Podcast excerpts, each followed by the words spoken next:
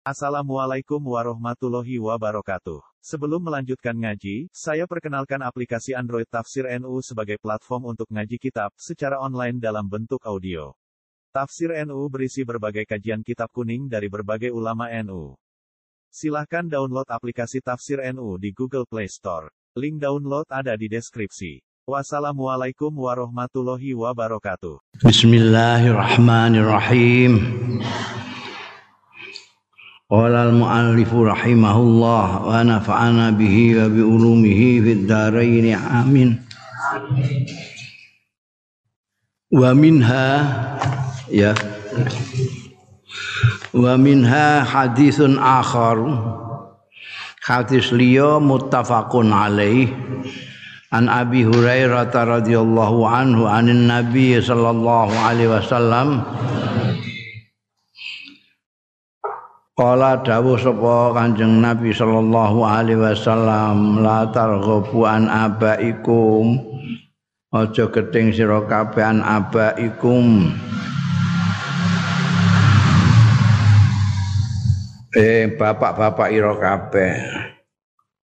Rohiba ya rohibu iku nek an iku geding nek fi demen. Nah iku keistimewaane bahasa Arab itu ada yang namanya kalimat-kalimat abdad yang maknanya dua tapi ada yang bertentangan. Dari maknane kalimatnya siji kata-kata siji maknane loro beda. Ini termasuk ini bedanya tinggal an be anfi Qur'an itu bisa berarti suci, bisa berarti kotor. Azharo iso ngurmati, iso menghina ya anu bahasa Arab tok sing model ngono Iki wala tarhubu maknane aja gedeng an abaikum. Kaya dawuh paman rohiba an sunati iku artine ora seneng. Nek rohiba fi seneng rohibaan ora seneng. Aja ora seneng an abaikum paman rohiba sapane wong sing gedeng ora seneng ya man an abi saking bapak iman fahuwa kufrun. Masyaallah naudzubillah min bahwa mongko utawi man iku kufrun kufur. Kaya apa ae? Wong tuwa iku marati kadang-kadang wong tuane ngamuan jahat barang itu gegeten anake. Tapi gak oleh ngantek gedeng ya.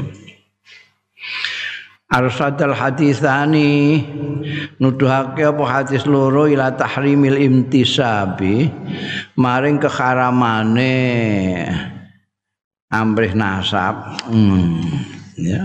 Intisab itu ngaku-ngaku nasab li ghairil api marang liyane bapak. Karena umume di Arab, di Arab dan di mana-mana biasanya intisab itu kepada bapak. Istilahnya patriarkat. Sing intisabe ning mbok iku mau Minangkabau kabare Minangkabau. Jadi nek ngebinno iku ya ning bapak. Bulan bin bulan bin bulan bin bulan bin bulan. Hifadzon krana jaga ala hormatil ansab ing atase kehormatane nasab-nasab biwajin sahihin kelawan segi yang sahih wa ikhtiraman lan krana ngurmati li hakil ab kanggo hake bapa alabnihi ngatasé anake bapa. Termasuk salah satu kewajibannya anak terhadap orang tua yaitu menghormati orang tua ngabekti ning wong tua. Nek ngantek orang ngakoni mergo ndekne terus ngebinno ning wong liya wah iku ngantek tekan kufur wa utawi intisab li ghairil ab. Iku launun suatu macam min alwanil jahiliyah termasuk macam-macam jahiliyah. Al arabiyati sing bangsa Arab. Jadi mbiyen ning zaman jahiliyah itu modelnya ngono. Nek bapake kok ora terkenal terus golek wong sing terkenal terus ndekne ngebinno ning gone sing terkenal iku. Kadang-kadang ya kondo kadang-kadang bayar barang pokoknya aku tak nganggu jeneng sampean nganggu binku. itu zaman jahiliyah kelaku. Maksudnya apa zaman jahiliyah ngono? Min aji tahqiqi sitin. Saking arahe nyatakake popularitas, ben populer wah, au suhratin utawa kemasyhuran. Au syaraftin au syarafin utawa kehormatan binasabil manhuli kelawan nasab sing palsu. Nasab sing dipalsukan. Supaya dia terkenal. Nah, jenenge Noyo digenti bin Soeharto. Wa fi hadisin akhar lan iku ing dalam hadis akhar tawilin sing dawa muttafaqun alaih sing muttafaq alaih juga an Yazidin saking Yazid bin Syarik bin Tariq qala ndika sapa Yazid raaitu aliyan ningali sapa ingsun alian ing Sayyidina Ali radhiyallahu anhu alal mimbari ing atase mimbar yaktubu ale pidato ya Sayyidina Ali. Nanti ya Yazid itu tabiin dan nyeritakno pernah melihat Sayyidina Ali sedang di atas mimbar pidato Masami tuhu mongko mireng sapa ingsun ing Sayyidina Ali yaqulu. Ingkang ngendikan ya Sayyidina Ali la wallahi ma indana min kitabin naqra'u illa kitab Allah ora wallahi demi Allah ma indana ora ana indana ana sanding kita. Min kitabin utawi kitab apa pun naqra'u sing maca kita ing kitab illa kitab Allah kejaba kitab Gusti Allah Al-Qur'anul Karim wa ma fi hadhi sakhifah lan barang kang ana ing dalem lembaran iki itu dia Sayyidina Ali nggo lembaran isine catatan-catatan saka dawuh-dawuhe Kanjeng Nabi. Nah, saya punya cuma kitab Quran ambek lembaran-lembaran ini. Panasaroha mongko beberno sapa Kanjeng eh, sapa Sayyidina Ali ha ing sahifa faidan sahifa Faidan dumadaan fiha iku ing dalam sahifa asnanul ibil. Untu-untune unta wa asya minal jirahat lan perkara-perkara minal jirahati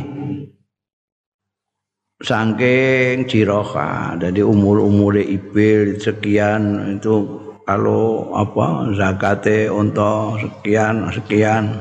Wasiak minal jirohat itu artinya perkara-perkara minal jirohat maknanya jirohat itu tatu-tatu.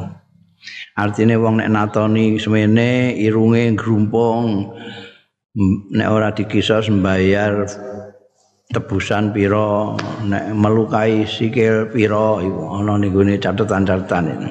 Ning sahifah iku mau. Wa fiha lan iku ing dalem sahifah juga.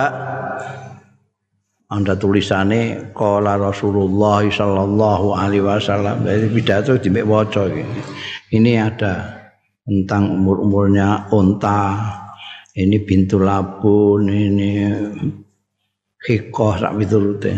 Ini kalau kamu melukai orang di kakinya sebelah kanan dia hanya sekian kaki kiri kalau dua-duanya itu, itu catatan mengenai denda-denda nenek melukai orang. Terus di situ ada qala Rasulullah sallallahu alaihi wasallam. Di dalam catatan Sayyidina Ali itu ada dawuh Kanjeng Rasul sallallahu alaihi wasallam Al Madinatu haramun ma baina airin ila saurin Utai Madinah itu tanah suci antarane air lan saur. Air mbek saur itu nama-nama gunung yang untuk membatasi Madinah. Dari Madinah itu di sini ada gunung air, di sini ada gunung Saur. Itu suci. Nah, saiki ditulisi ku, mengko mlebu Mekah barang ku ana tulisane mulai masuk tanah haram. Itu ada tulisannya kepenak gue janji mlebu, sekarang ndelok ae wedi. Mas di situ itu orang wong-wong kafir gak oleh mlebu. Faman ahdatsa fiha mongko sapane wong sing gawe model-model anyar-anyar fiha ing dalem Madinah hadasan ing sesuatu yang model-model bahasa sing populer bid'ah itu nggak bid'ah aw awa muhdisan utawa melindungi yaman muhdisan ing wong sing gawe model-model. Fa alaihi mongko iku tetep ing atase man. Laknatullahi utahi laknate Gusti Allah wal malaikatu wal lan para malaikat wan nasuran manusa ajmaina kabehane layak balullah ora nampa sapa Allah minhu saking man. Yaumal kiamat ana ing dina kiamah ora nampa sorfan wala adlan. Sorfan iku asale memberikan sarf sarf sarf itu. Wala adlan itu asalnya manane apa senenge pindah dari memberikan ini pindah ke sini.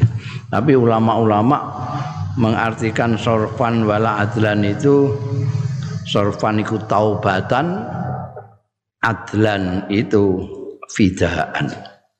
Jadi artinya nanti orang yang gawe model-model di Madinah itu atau melindungi orang yang bikin model-model. Ora diajarkan Kanjeng Rasul sallallahu alaihi wasallam lalu dilakukan itu gawe model sembayang ter subuh terus telung rakaat misalnya maka dia ana dipikir-pikir dhewe mbang subuh isuk-isuk kan jane enak dinggo sekalian senam ya. Omok loro tok diakai ra wis. Oh. Terus sembahyang subuh rolas. Iku jenenge model-model. Jadi model-model kaitannya mbekan ajarane Kanjeng Rasul sallallahu alaihi wasallam. Engko iku wong iku dilaknati karo Gusti Allah, dilaknati para malaikat lan kabeh manusa ning dina kiamat ora ditampa. Gusti Allah ndak nampa. Kula tobat ora ditampa. Kula tak mbayar tebusane napa ora ditampa. Tebusan maupun apa namanya? taubat tidak diterima keduanya. Sorfan itu dimaknani taubat baik ulama-ulama adlan itu fida tebusan. Najan wis ditebusi ora ditampa. Nek gawe model-model. Ana juga ulama yang mengartikan sorfan wa adlan iki sorfan itu kewajiban, adlan itu kesunatan. Jadi fardon wala nafilatan gak ditampa kabeh. Ini duwe melaksanakan kefarduan gak ditampa, melaksanakan kesunatan gak ditampa mergo ini gawe model-model ning Madinah. Zimmatul muslimin utai perjanjian utawi kontrake wong-wong Islam iku wahidah satu. Sama semua orang Islam sama. Tanggungannya podo tanggung jawabnya podo yas'abiha adnahum. Yang tumandang biha kelawan zimmah melaksanakan artine biha kelawan zimmatul muslimin. Sopo adnaha? Yang paling ndek-ndeke asal-asale muslimin orang yang paling rendah. Itu sama saja. Paman akhfara musliman. Sapane wong sing nulayani merusak zimah itu perjanjian musliman ing wong muslim fa alaihi mongko wajib tetep ing atase man. Laknatullah utai laknate Gusti Allah wal malaikatu lan para malaikat wan nasu lan manusa ajmain. Layak wallah ora nampa sapa Allah minhu saking man yaumal kiamat ana dina kiamat sorfan tobate wala adlan lan ora tebusane. Ya ditampa mbek janji karo wong muslim duwe tanggungan karo wong Islam terus tidak dipenuhi itu dilaknati padha karo wong sing nggawe model-model atau melindungi orang yang model-model di Madinah.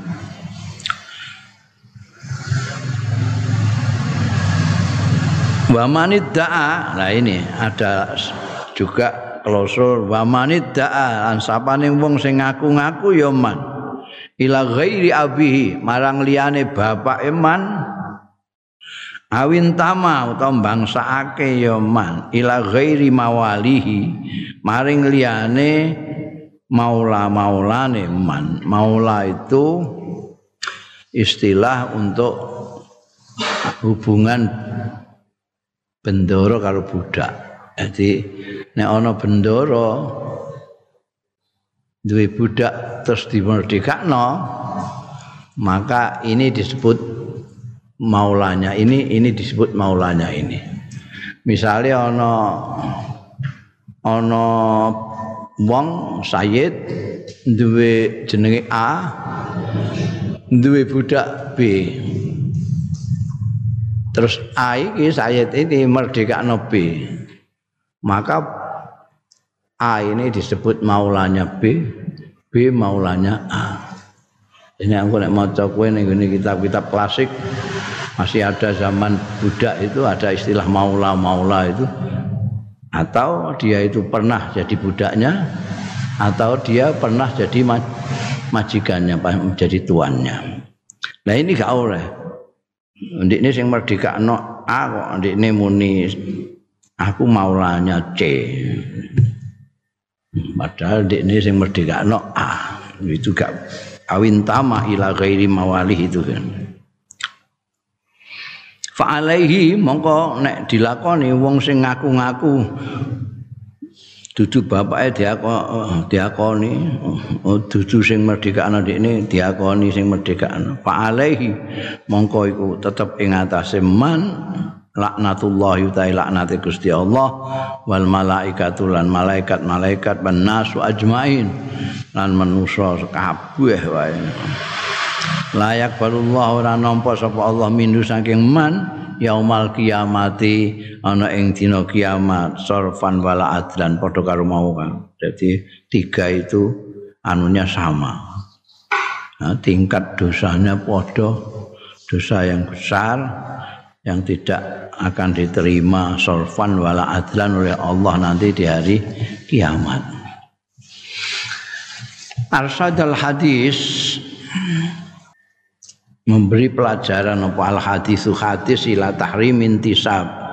Maring harame mbangsake ne insan tahrim intisabil insan keharamane anggone bangsake manusa ila ghairi abihi marang liyane bapake.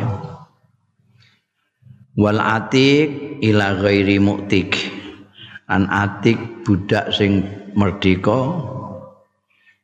Bangsake ila ghairi mu'tikihi maring liyane sing merdekake atik.